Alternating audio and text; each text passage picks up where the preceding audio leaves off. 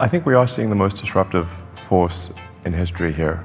There will come a point where no job is needed. You can have a job if you want to have a job for sort of personal satisfaction, but the AI will be able to do everything. Elon Musk voorspelt een wereld waarin kunstmatige intelligentie alles van ons over kan nemen. Welke studie gaan we dan nog kiezen? Als deze vraag op zich niet al moeilijk genoeg was. Wij zijn Dean en Luc en gaan in deze podcast op zoek naar onze toekomst. In gesprek met experts verkennen we wat we allemaal moeten kennen en kunnen in de wereld van nu.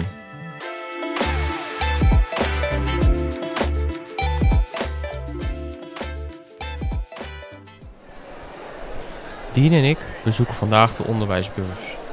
Volgens de website is deze beurs dé plaats om naartoe te gaan als je nog niet weet wat je wil studeren.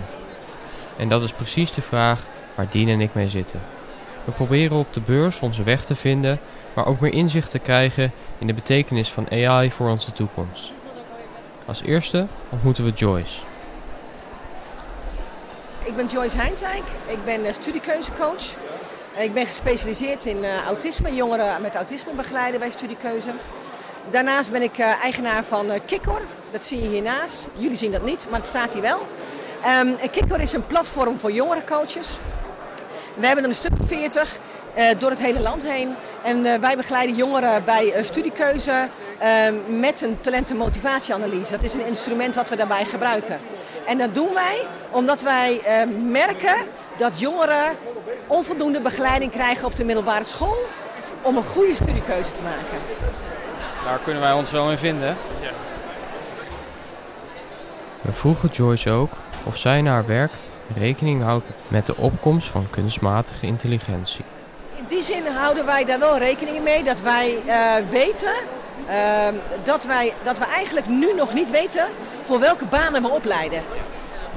Want, want welke banen er over tien jaar zijn, daar hebben wij nu geen idee van. Dat is wel wat we rekening mee houden en daarom zeggen wij ook altijd... eh, kies niet voor een opleiding waarvan je denkt over vier jaar baanzekerheid te hebben. Maar kies nu voor een opleiding waar je nu blij van wordt waar je, waar je interesses nu liggen. Ehm, en zodat je eh, daarna weer door kan ontwikkelen. Wij vertellen ook altijd ehm, dat de opleiding die je nu kiest, het is niet in beton gegoten. Dat is niet iets wat je de rest van je leven doet. Maar dit is, dit is de start van je, van je ontwikkeling. Dus in die zin ehm, ehm, houden we er wel degelijk rekening mee dat de wereld er straks heel anders uit gaat zien. Ziet u kunstmatige intelligentie vooral als kansen of als bedreigingen? Eh, nee, als kansen. Eh, als kansen vooral. Eh, ik kom oorspronkelijk uit de zorg. Nou, daar wordt het ook al op verschillende vlakken ingezet natuurlijk, verschillende manieren. En daar is ook best wel weerstand hè, om eh, zo van, ja, gaat het die verpleegkundige of die verzorgende vervangen? Maar dat kan natuurlijk nooit. Ehm, en het is gewoon kijken van ja, eh, waar liggen de mogelijkheden daarvan om het werk, want we zullen toch met een, met een groep eh, leeftijds, mensen die gaan werken, hè, dus die in die leeftijdscategorie vallen, moet je al het werk doen met z'n allen. Maar we hebben straks veel meer ouderen dan jongeren. Dus de verhoudingen die kloppen niet meer. Dus je moet het anders gaan doen. Dus ja, prima. Heeft u nog tips voor het maken van een goede studiekeus? Jazeker. Eh ga vooral je talenten onderzoeken. Ehm, en eh, ga onderzoeken wat jij nodig hebt wat in je leven, wat je belangrijk vindt in je leven. Dus dat noemen wij dan de behoeftes, je drijfveren. Ga dat goed onderzoeken. En eh, lukt je dat, doe je dat lekker zelf, lukt je dat prima, gewoon lekker doen. En lukt je dat niet, schakel dan een studiekeuzecoach in.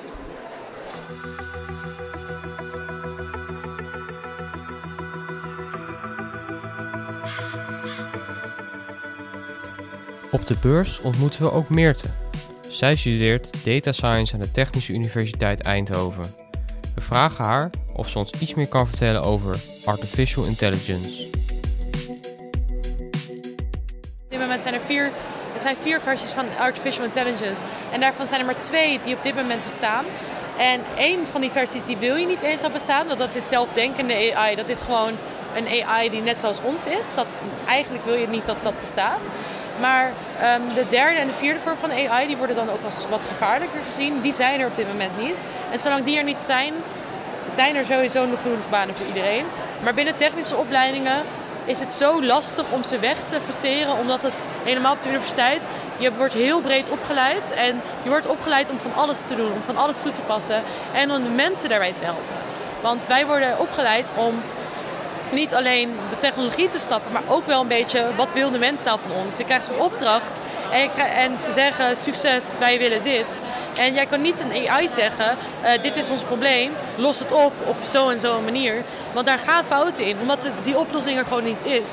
En artificial intelligence is op dit moment getraind op oplossingen die er al zijn, of die is aan het leren met oplossingen die er um, die nog moeten komen, maar dat leert hij naarmate van fouten. En een mens is daarin op dit moment nog veel efficiënter. Oké, we zijn voorlopig soms nog efficiënter dan artificial intelligence. We vragen Meerte of dit betekent dat AI ons voorlopig nog niet de basis is. Um, het verschilt heel erg per gebied. Um, maar op dit moment is de artificial intelligence nog in zo'n beginfase dat op sommige gebieden maakt mensen absoluut meer eh, fouten. Denk bijvoorbeeld aan een schaakrobot. Nou, een schaakbot die kan ons allemaal door lang en breed verslaan. Dat weten we allemaal. Um, daarin is de artificial intelligence smart uh, heel veel slimmer. Maar zijn, als je ChatGPT acht keer dezelfde vraag stelt, de kans dat hij vijf keer uh, verschillende antwoorden geeft, ze is gewoon heel groot. Omdat hij getraind is door duizenden mensen. En die duizenden mensen die zijn allemaal hebben een andere vorm van intelligentie. Waardoor de een zegt, nou 2 plus 2 is 4. En de ander zegt 2 plus 2 is 5. En de AI die wordt getraind op iedereen. En niet alleen op de mensen die wel weten waar ze over praten. Waardoor uh, op dit moment nog niet een duidelijk verschil is van welke AI goed is en welke niet. Mocht een AI alleen maar zijn getraind op bepaalde mensen. Dus bijvoorbeeld Tesla, de zelfrijdende auto. Die is heel veel beter getraind omdat het alleen maar um, gemaakt is door mensen die weten waar ze over praten. Maar als je het traint op iedereen, dan uh, is er een grotere kans dat er fouten in sluipen.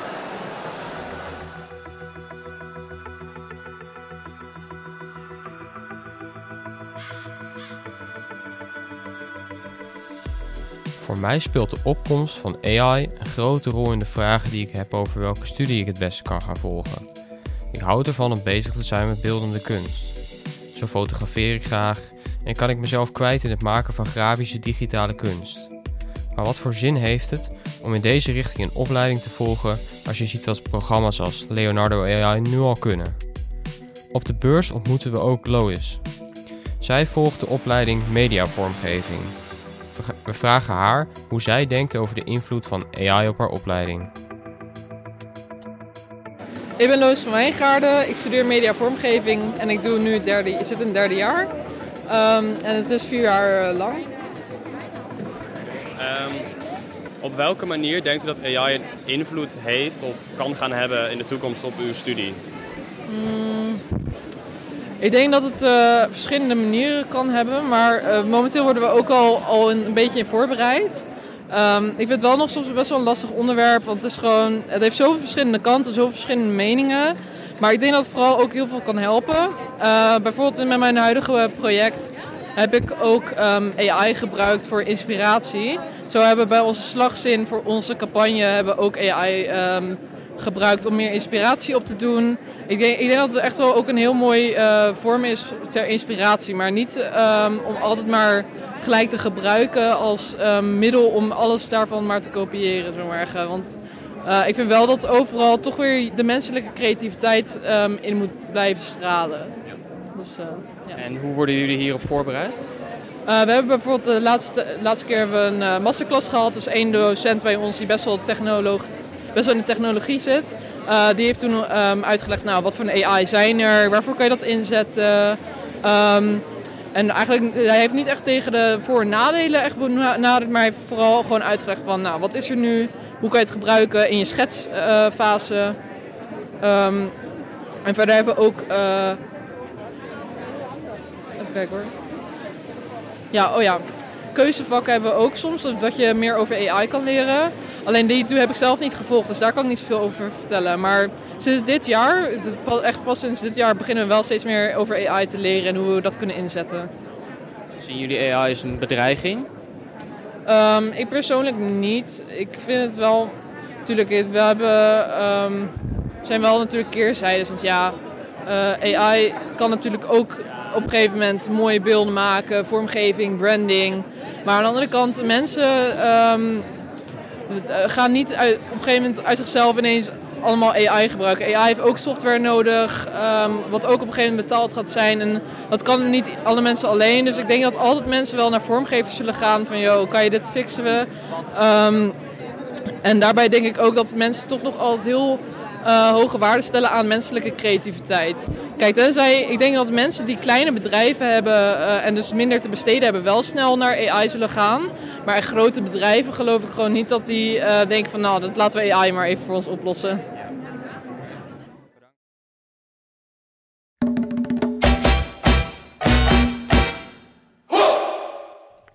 We hebben op onze school een enquête uitgezet met daarin diverse vragen. Een van de vragen aan de vierde en vijfde klasses van het VWO is of ze al weten welke opleiding of studie ze willen gaan volgen. Op deze vraag geeft 78% aan dit nog niet te weten.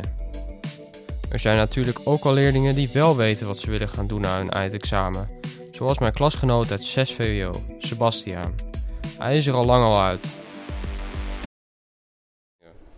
Weet jij al wat voor studie je wil gaan doen? Uh, ik weet zeker wat voor studie ik wil gaan doen. Ik ga, uh, ik ga biologie studeren. En hoe ben je tot deze keuze gekomen? Uh, nou, ik ben sinds mijn achtste al helemaal, ja, hoe zeg je dat, geobsedeerd met biologie en dat soort dingen. Dus ik wist al vrij vroeg wat ik wou gaan doen uh, later. De keuze was snel gemaakt? De keuze was zeer snel gemaakt, ja.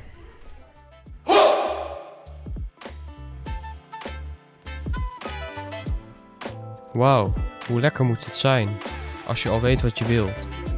Dien en ik weten dat helaas nog niet. Misschien dat we wat verder komen in onze keus door te praten met Marije. Zij werkt aan de Universiteit van Utrecht en is een van de kartrekkers in het project Volwassen worden in een veranderende wereld. Een van de vragen uit het onderzoeksproject is hoe jongeren zich voorbereiden op het vinden van een baan. Welkom Marije. Uh, fijn dat je met ons uh, deze podcast op wil nemen. Kan je jezelf eerst even kort introduceren? Ja, uh, ik ben Marije van Braak. Uh, ik ben 29. Ik ben universitair docent en ik werk bij communicatiewetenschappen. Kom uit Gouda. Oké, okay. dankjewel. Onze podcast staat in het teken van studiekeuzes maken in deze snel veranderende wereld. Het heeft natuurlijk heel veel raakvlakken met jou, uh, waar, je, waar je in je werk mee bezighoudt. Ik ben heel erg benieuwd hoe jij vanuit de middelbare school een studiekeuze hebt weten te maken.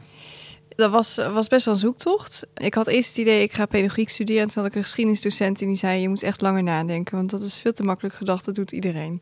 Dus uh, toen ging ik iets harder nadenken. Was ik hier op een open dag geweest. En toen zag ik onderwijskunde. Toen dacht ik, ja, onderwijs, dat is het.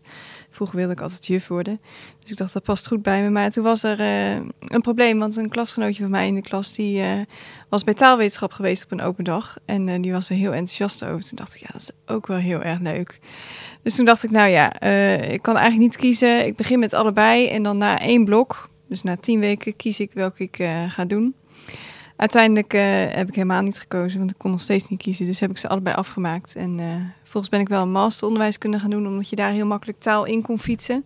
Terwijl bij de master taalwetenschap kon je niet onderwijs erin fietsen. Nou, en toen ben ik zo een beetje op dat snijvlak eigenlijk terechtgekomen. Oké, duidelijk. Hoe kijk je terug op jouw middelbare schooltijd?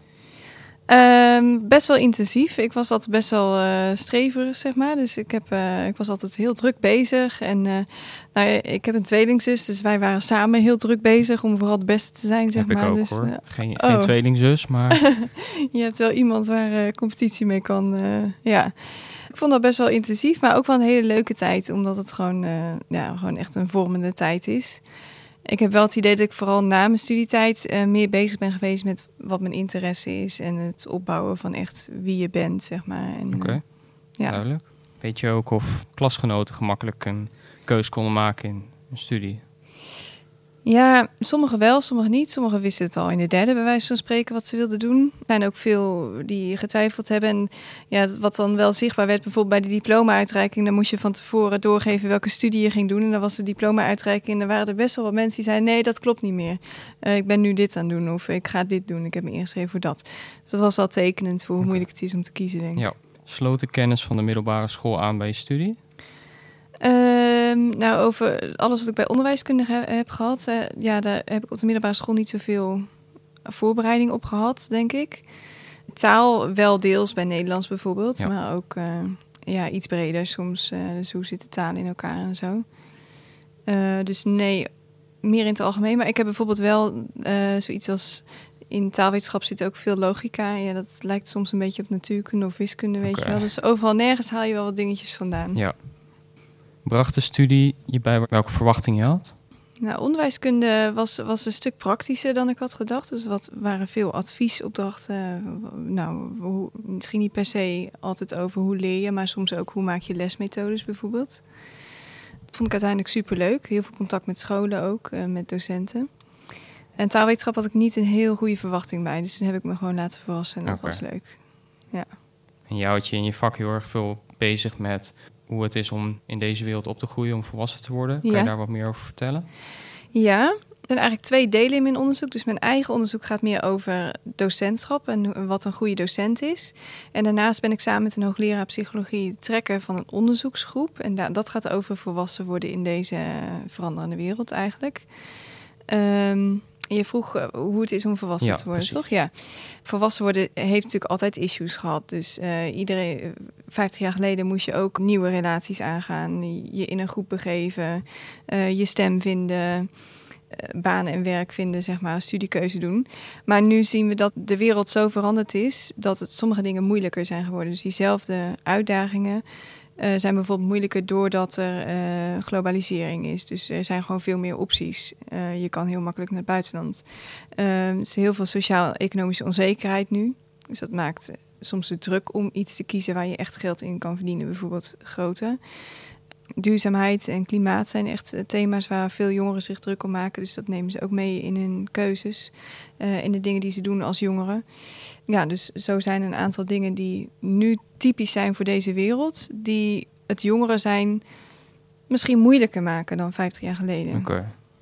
Dus, je krijgt, dus je ontvangt veel meer prikkels van buitenaf, die eigenlijk meer factoren die je keus kunnen beïnvloeden. Ja, ja, en we horen dan van jongeren dat het, eh, ze het gevoel hebben dat er veel meer opties zijn.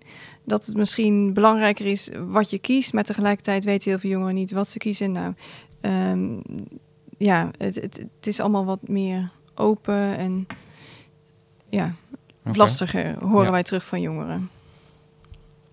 Speelt AI volgens jou een rol in eh, het maken van een studiekeus? Vind je dat jongeren daar rekening mee moeten houden? Ehm, ik denk het wel, alleen al omdat AI onderdeel gaat zijn van je werk. Ehm, als, als ik kijk naar bijvoorbeeld studenten, daar zijn we nu bezig met hoe kun je eh, AI in je werk een plek geven, zeg maar. Dus hoe, hoe ga je om met de AI en ehm, ja, wat voor vaardigheden heb je daarvoor nodig? En dat geldt natuurlijk ook voor andere beroepen. Eh, AI, ik weet niet of dat in de studiekeuze een hele grote rol speelt. Ik zat nog te denken van, kijk, eh, een paar, eh, paar, of een paar, jaar, een paar decennia terug hadden we internet opeens als nieuw ding. Ja. Ehm, ja, dat heeft natuurlijk ook heel veel dingen veranderd. Maar daar denken we nu niet meer zo over na als... Ja, dat beïnvloedt je keuze of zo. Nu, zijn, nu is AI. Ehm, dus maakt het het fundamenteel anders? Dat weet ik niet. Maar het is wel weer een extra dimensie Ja, die in de afwegingen meegaat, denk ik. Elon Musk stelde in zijn interview met premier Sunak van Groot-Brittannië dat AI, dat AI betekent dat mensen op een gegeven moment niet langer meer hoeven te werken. Wat betekent dit voor ons? Ja, ik vraag me dus heel erg af of het dat betekent dat we niet langer meer hoeven te werken. Want eh, als we met jongeren spreken over kiezen van werk. We hadden bijvoorbeeld pas een eh, bijeenkomst over de overgang van school naar werk. En dan ging het heel erg over eh, betekenis voor werk. Dus dat jongeren op zoek zijn naar wat geeft nou betekenis in mijn leven. En eh, wat wil ik daarmee doen? AI kan heel veel dingen ver- veranderen, denk ik. Maar AI geeft geen betekenis aan je leven, zoals ik het nu zie. En daar ging het dan ook die bijeenkomst ook over. Van hoe kun je nu jongeren helpen om te ontdekken wat voor jou dan betekenisvol werk is. Dus ik denk niet dat we eh, stoppen met werken. Mhm. Maar misschien gaan we op een andere manier eh, die betekenis zoeken, zeg maar, in de dingen die we doen. Maar ik denk niet dat AI dat betekenisvolle eruit kan halen, zeg maar. Oké. Of kan bieden. Ja. Hoe kunnen we in deze snel veranderende wereld onszelf dan nog vinden? Uh, ik denk echt door gesprek en interactie. Ik ben natuurlijk uh, gespreksonderzoeker uh, van oorsprong. die, die tweezijdigheid, dus het praten met iemand. Natuurlijk kan AI terugpraten met chatbots en zo. Vanuit de gesprekswetenschap weten we dat begrip ontstaat in interactie. Dat is soms heel subtiel. dan kan je onderzoeken hoe een bepaald begrip ontstaat. Maar ik denk dat interactie tussen mensen, het praten met mensen over dingen. Als je ziet hoeveel random ontmoetingen bijvoorbeeld in de onderzoekswereld, nieuwe projectideeën. Nou, daar komt geen AI aan te pas. Dat zijn vaak ontmoetingen bij het koffieautomaat op een congres of zo. Dat, dat zijn allemaal intermenselijke dingen. Dus dat intermenselijke is denk ik juist heel belangrijk. Oké. Eh, we hebben ook een vraag aan ChatGPT gesteld. En uh, ik zal de vraag even voorlezen. Welke rol speelt kunstmatige intelligentie in het voorbereiden van studenten op de vaardigheden die ze nodig hebben voor de toekomstige arbeidsmarkt? Hoe kunnen onderwijsinstellingen kunstmatige intelligentie integreren om de ontwikkeling van deze vaardigheden te ondersteunen? Ja, wat we bijvoorbeeld bij de opleiding communicatiewetenschappen doen, is een digitale leerlijn ontwikkelen. Dus nou, vroeger moest je leren hoe je met Excel en met Word omging, zeg maar. Nu moet je leren hoe je met uh, kunstmatige, uh, kunstmatige intelligentie omgaat. En dat gaat er dan vooral om, uh, als er als ChatGPT bijvoorbeeld beschikbaar is, wanneer gebruik je het dan wel? Wanneer gebruik je het niet? Hoe ga je om met de dingen die daaruit komen? Dat soort dingen zijn belangrijk om te weten. Ook omdat je in je werk dat soort vragen ook krijgt. Want ook in je werk kan je ChatGPT gebruiken. Maar wat is dan de waarde van de dingen die je daaruit haalt? En hoe kun je die inzetten? Hoe kijk je daar kritisch naar? Dus dat zijn de vaardigheden, denk ik, die we in het onderwijs mee moeten nemen. Oké. Nou, we hebben ook aan uh, ChatGPT een mogelijk antwoord gevraagd. Uh. Oh, ik ben uh, benieuwd wat hij zei. Is het goed als ik jou, hem jou laat voorlezen? Is goed, ja. Ik ben heel benieuwd. Dit bovenste stukje? Ja. Kunstmatige intelligentie. AI speelt een cruciale rol in het voorbereiden van studenten op toekomstige banen. Onderwijsinstellingen kunnen AI integreren om gepersonaliseerd leren te stimuleren en vaardigheden te ontwikkelen zoals kritisch denken, probleemoplossing en digitale geletterdheid. Het is belangrijk om zowel technische kennis van AI als menselijke vaardigheden te benadrukken, zoals creativiteit en empathie, voor een gebalanceerde voorbereiding op de arbeidsmarkt van de toekomst.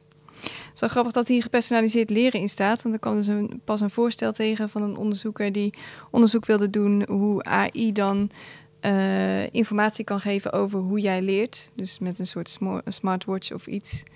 En dat was helemaal AI uh, gebaseerd. Uh, dus, en dan zodat je daarop kan uh, acteren als die zegt van nou je hebt nu niet genoeg gedaan vandaag of je hebt niet goed genoeg geleerd. Ja.